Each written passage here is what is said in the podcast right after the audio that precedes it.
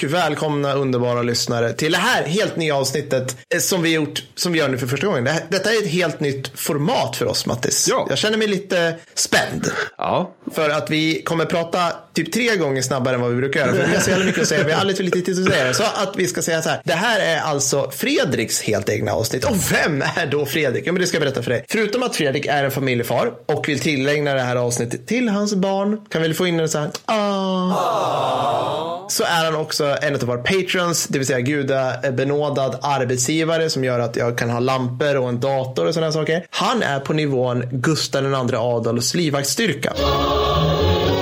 Det är rätt bra va? Eller hur Mattis? det är fantastiskt. Det är väldigt, Det är väldigt bra. fantastiskt bra. Om man är en så storartad individ som Fredrik och är det i sex månader, då får man ett helt eget ärorikt avsnitt. Alltså jag och Mattis som din träl sitter här och gör det du har kommenderat oss att göra om krigshistorier. Helt korrekt. Får vi höra klacken?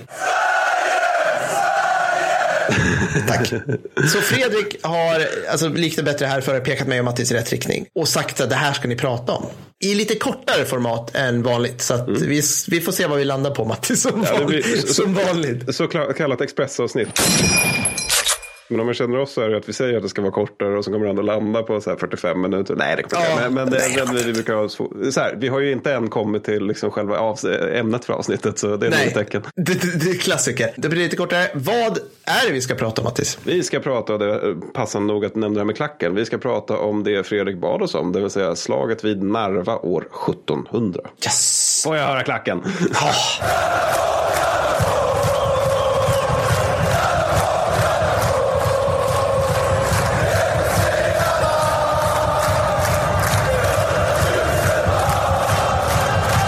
Blir sinnessjukt storsvenskt här. Jag tror Fredrik, jag minns, han skrev det till oss i alla fall, att han har bott på Narvavägen och bara tänk, undrade varför det hette Narva. Alltså varför har vi en stor fin gata i Stockholm som är döpt efter en obskyr estnisk stad Mm. Just det, just som det. ingen vet. Ja, men det är väl så- samma skäl som det finns gator i Stockholm som heter Baner. Vilket gör mig väldigt ja. äcklig. Jag blir varm i hela kroppen. Det, det, det är nog inte efter liksom flagg, flagggrejen tror jag. Men det, var nej, det, är, det är inte det. ja. nej, men, nej, men, så vi kör väl då, eller? Ja, ja, ja. kör. Nej, men jag tänkte börja med att sätta stämningen lite grann. Här. Vi mm. ska, ska nu ta eh, läget då. Vi låter då den mm. svenska mm. officeren Karl Magnus Posse berätta om hur läget låg till. Citat. Den elake ryssen. den elake ryssen har belägrat Narva med 100 000 man och stormar dag dagligen därpå och aktar intet hur mycket han där förlorar. Slut citat. Och det här är alltså läget. Mm. De är jättemånga och här kan vi också notera att det är härligt när vissa saker inte förändras överhuvudtaget nej. under hundratals år. Det vill säga att ryssarna är svinmånga och bara stormar på. Så det är bra. Uh, oavsett då, Posse han är ju förståeligt orolig för att den svenska armén är ganska liten, den Mm. som finns i Estland. Och uh, ryssarna tycks vara väldigt, väldigt många. Mm. Så då är frågan då, vad ska den lilla svenska armén kunna göra mot ryssarna? För det vi ska komma ihåg här, det, här att, det här är ju ett av vårt, vårt första stora slag mot ryssarna under stora nordiska kriget. Mm. År 1700 eh, drar det här igång. Japp. 30 november år 1700, helt korrekt. Och, och alltså, på något sätt är det så att utöver Poltava så vet vi ju om stora nordiska kriget att liksom dess första halva domineras av så här med att ryssarna dyker upp med, med liksom halva Ryssland. Och svenskarna står där med liksom fem knektar eller någonting och vinner i alla fall. Men det här vet ju inte possen när det här händer. Nej. För de har inte upplevt det. Narva är en av de orsakerna till att det kommer bli liksom den så här segerkänslan. Ja. Men det vet ju inte Posse. För förutsättningarna på pappret är ju ganska usla. Så det är att vi svenskar vi kommer med 10 000 man och ryssarna kommer med 33 000 man. Så det blir tre gånger så många minst. För det finns ju högre uppskattningar också. Narvas garnison de har ju redan slagit tillbaka tre anfall, vilket är bra. Och sen så är landet och kring Narva, det är liksom bränt och avätat. Så att, eh, Det, det är ju standard måste man ju säga. Det, det, det liksom, Ja, ja, det är ju som man eh, gör. Alltid apokalyps liksom. Mm. Ja, och så där marscherar ju den svenska hären genom. Ja. Vilket gör att de har ju svårt att hitta mat och foder. Så när de kommer fram så är de liksom hungriga som djävulen. Mm. Och det här är en delanledning till att när de väl möter ryssarna vid Narva så finns det inget alternativ annat än omedelbart anfall. För nu har vi hittat fienden och vi har inte käk för att stå stilla och stå och tuppas. Liksom. Vi tror att fienden har mat, men först måste vi gå igenom dem för att få tag i Precis. deras mat. Ja. Exakt så. Svinbra motivation för soldater. Det är, Det är ju det. Ja. det, är ju det. Nej, men alltså, chefen för den ryska styrkan det är en eh, person som heter eh, Charles Eugene de Croy. Klassiskt ryskt namn måste jag säga där. Om jag säger ett ryskt namn så skulle jag direkt tänka Det, Eller hur? Eller hur, eller hur? Ja. Ja. men jag tror han var holländer, för han är en av de här som du brukar gilla. Ja. De här ambulerande adelsmännen som åker runt liksom, och bara slåss för högstbjudande under tid modern tid. Och exempel på detta, det är att han stred för danskjävlarna under Lund, vilket vi faktiskt avhandlat ganska närtid. han, är en, han är en gammal fiende till Ja. Mm. Sverige, vi måste hata honom. Han är en djävulen själv naturligtvis. Ja. Eller det är han nog inte, men, men grejen är att han, han är lite intressant så för att han, hans ledningsstil tycker jag om. Det är att han sitter ganska långt bak och ganska bekvämt och liksom ser inte riktigt striden och sådär. Och försöker han leda manskapet via ordonnanser då. Medan han själv äter liksom en halv kyckling och dricker vin. Medan Karl XII då som leder den svenska armén, han leder, från främsta ledet. Ja. Vilket jag tycker, bara där har vi vunnit någonting. Ja. Så när vi då kommer fram till Narva slagfältet då, då är svenskarna våta och leriga efter en tio mila marsch. Mm. Och rysk, ryssarna, de är förskansade bakom en jävla vall. Fega as, det här vet vi ju. Mm. Men så är det lite uppförsbacke på papper. Men du ska nu berätta lite grann om den ryska soldaten vid den här tiden. Eh, Ja men precis, alltså, vi har ju hört om, om liksom karolinerna up our asses. Och man liksom, man, ni, ni har den här mentala bilden framför er till exempel på stormande karoliner på Mariamuseet. Och, ah, du vet, så här. och som du sa Mattis, man vet ju om att de var episka. Liksom. Nu vet vi om det. Och vi vet en del om indelningsverket. Och då tänker man sig så här, okej men vad fick ryssarna sina soldater ifrån? Jo, kära lyssnare, då ska jag berätta för er om streltser. och det här är, det här är liksom undertitel när Ryssland testar det här med stående arméer, hashtag LOL. För det är typ, det är typ alltså, det är ett system som är tänkt att ta fram soldater, men det det producerade var alkoholiserade analfabeter. Vodka. Såklart, det är liksom standard. Ja, precis. Men också så här, korruption, revolter, eh, svält Ja. och såklart liksom smuggling, kriminalitet i största andel. För det, så här går det ut på då att Jag antar att det här inte var liksom tanken med systemet. Utan Nej, det här, det här var liksom inte tanken. Alltså, det, det, det var liksom, Ryssland är ju så knasigt. Och speciellt då det här uppdelningen mellan stad och land. Så det var egentligen så att Ivan den förskräcklige på 1500-talet sa så här. Jag vet, vi skapar en helt, eller jag vet. vi skapar en helt, nej jag kan Jag övade innan det här på riktigt. Men jag, jag, jag, bara, jag får inte till en rysk, rysk brytning. Vet. Jag vet, vi skapar en helt egen klass i samhället. Vi ser till att soldatyrket går i arv i generationer.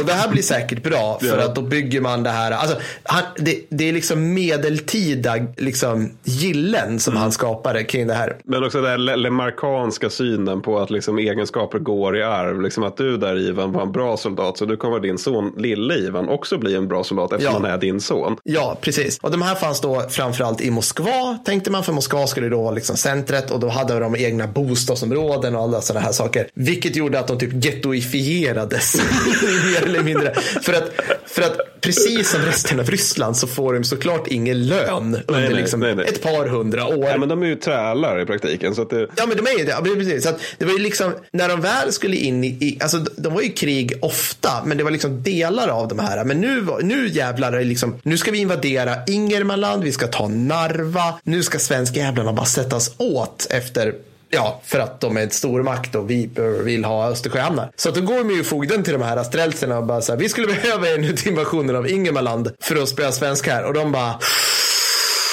Alltså det är mycket den här veckan. Alltså, alltså det är tajt. Alltså, först, först är de här dubbla kravallerna nu vid provinsguvernörens kontor i och med att vi är en politisk enhet inom Ryssland som alltså agerar som typ ett parti. Men vadå, de, de, de vill inte helt enkelt. Är det så enkelt? Nej, det kommer till mer så här. Sen har vi omröstning i kommunfullmäktige, spritsmuggling på lördag och så ska potatisskörden upp. Sen, ja, alltså jag personligen har ju inte rört pålyxan eller musköten på typ, ja, sen vi invaderade Liv, så här, Lettland för så här 17 år sedan. Så, men, men jo, det är klart jag kommer. Om jag skulle få lön för första gången på fem år, då, då kommer jag ju. Ja, Ja. Så här. Och så fogden bara, det här med lön, eh, är det förhandlingsbart? Så, här. så, det- var liksom, alltså, det- det är klart de gick dit, men det var ju liksom 33 000 svårt omotiverade liksom åtta barns pappor Ja. slash kriminella slash, alltså, så, o, alltså o, och, också som du säger en extremt dålig utbildningsnivå. Medan liksom svensken, det var ju liksom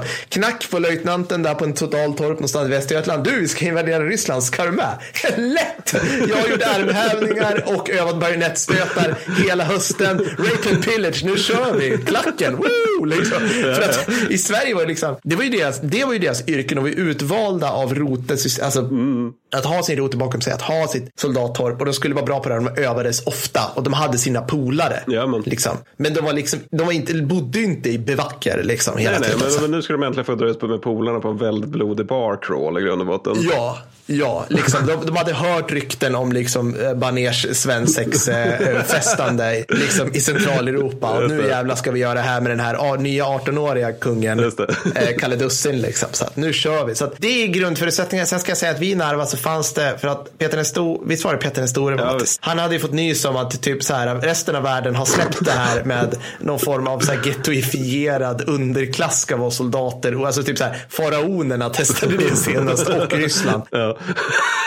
Så han har ju två stycken så att säga värvade regementen Ja, på det, just viset. De, de hade även en del värvade officerare och de, vi ska återkomma till hur det gick för dem. Men en del tyskar bland annat som de, de hade köpt in. En del tyska proffs liksom. Som, ja. Ja, ja, men det är som man gör. Okej, nej, men så, så, att, så att, men då, med detta kan vi då konstatera att på pappret så ser det ganska dåligt ut för den svenska Ja. styrkan. Men liksom, om, man, om man tittar under pappret så, så ser det kanske lite bättre ut ändå.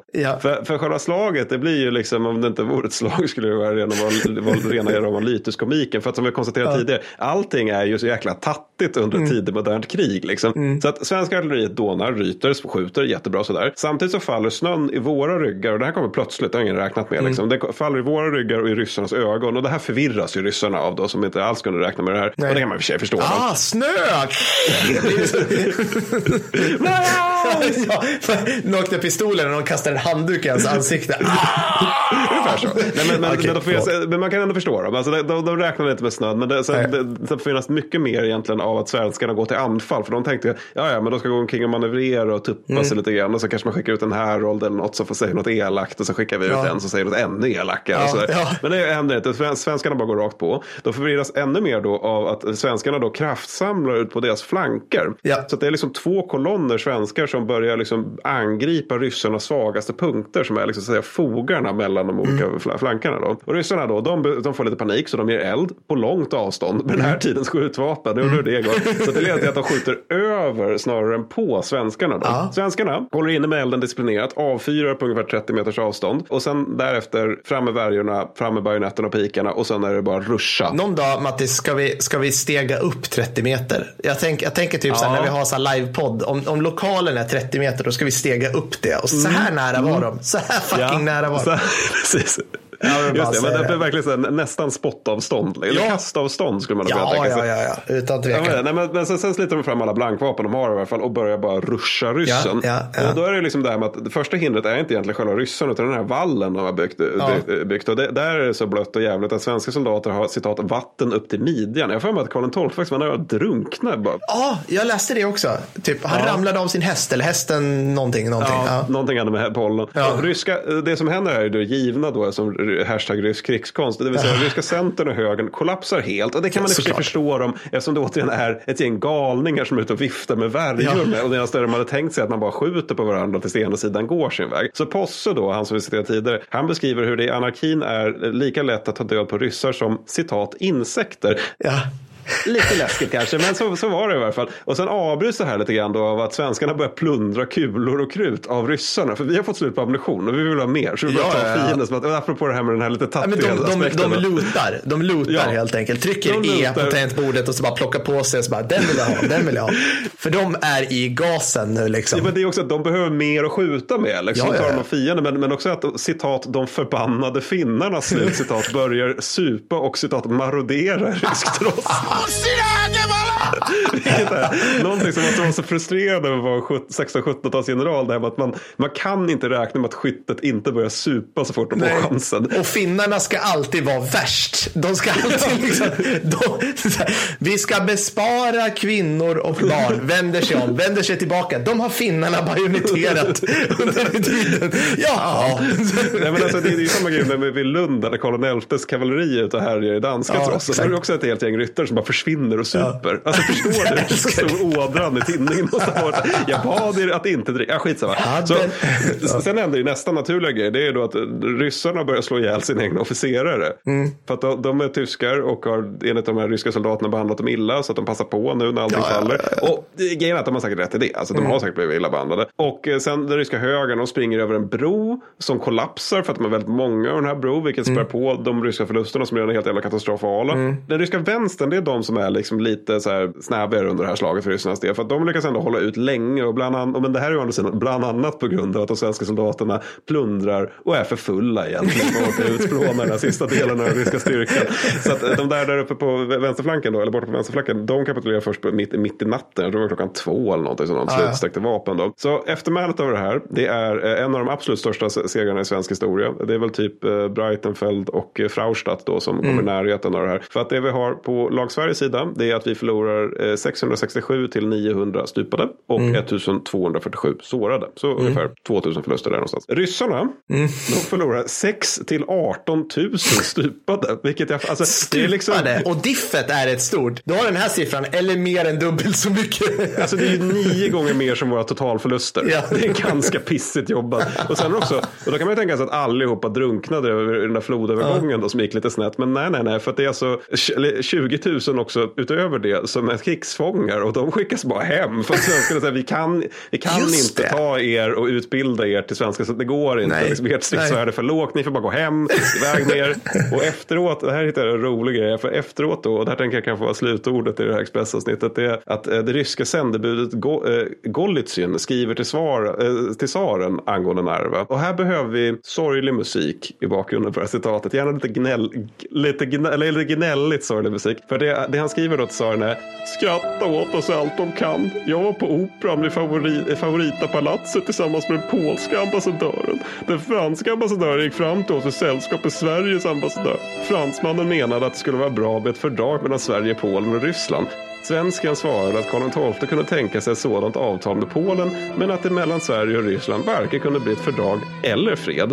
Och därefter brast svensken ut i skratt. så att, eh, ja. Och som vi alla vet så slutade Stora Nordiska kriget 1706 efter slag till Fraustadt. Så att, Ja, eh, det, var, det var ett bra val av honom att skratta åt ryssarna. Men Jävligt bra.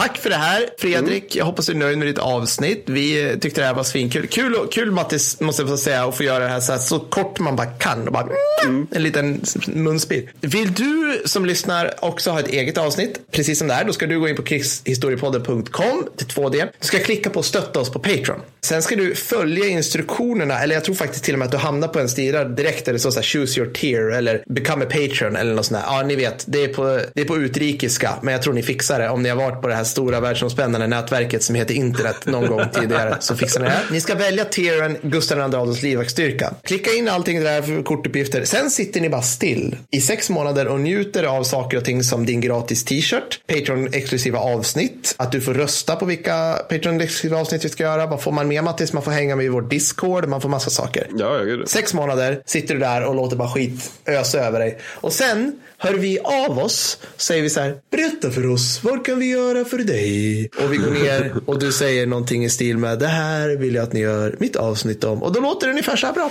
som Fredrik fick. Så att, ja, det var väl det va, tror jag. Det var det tror jag. Det var det tror jag. Bra jobbat säga till oss.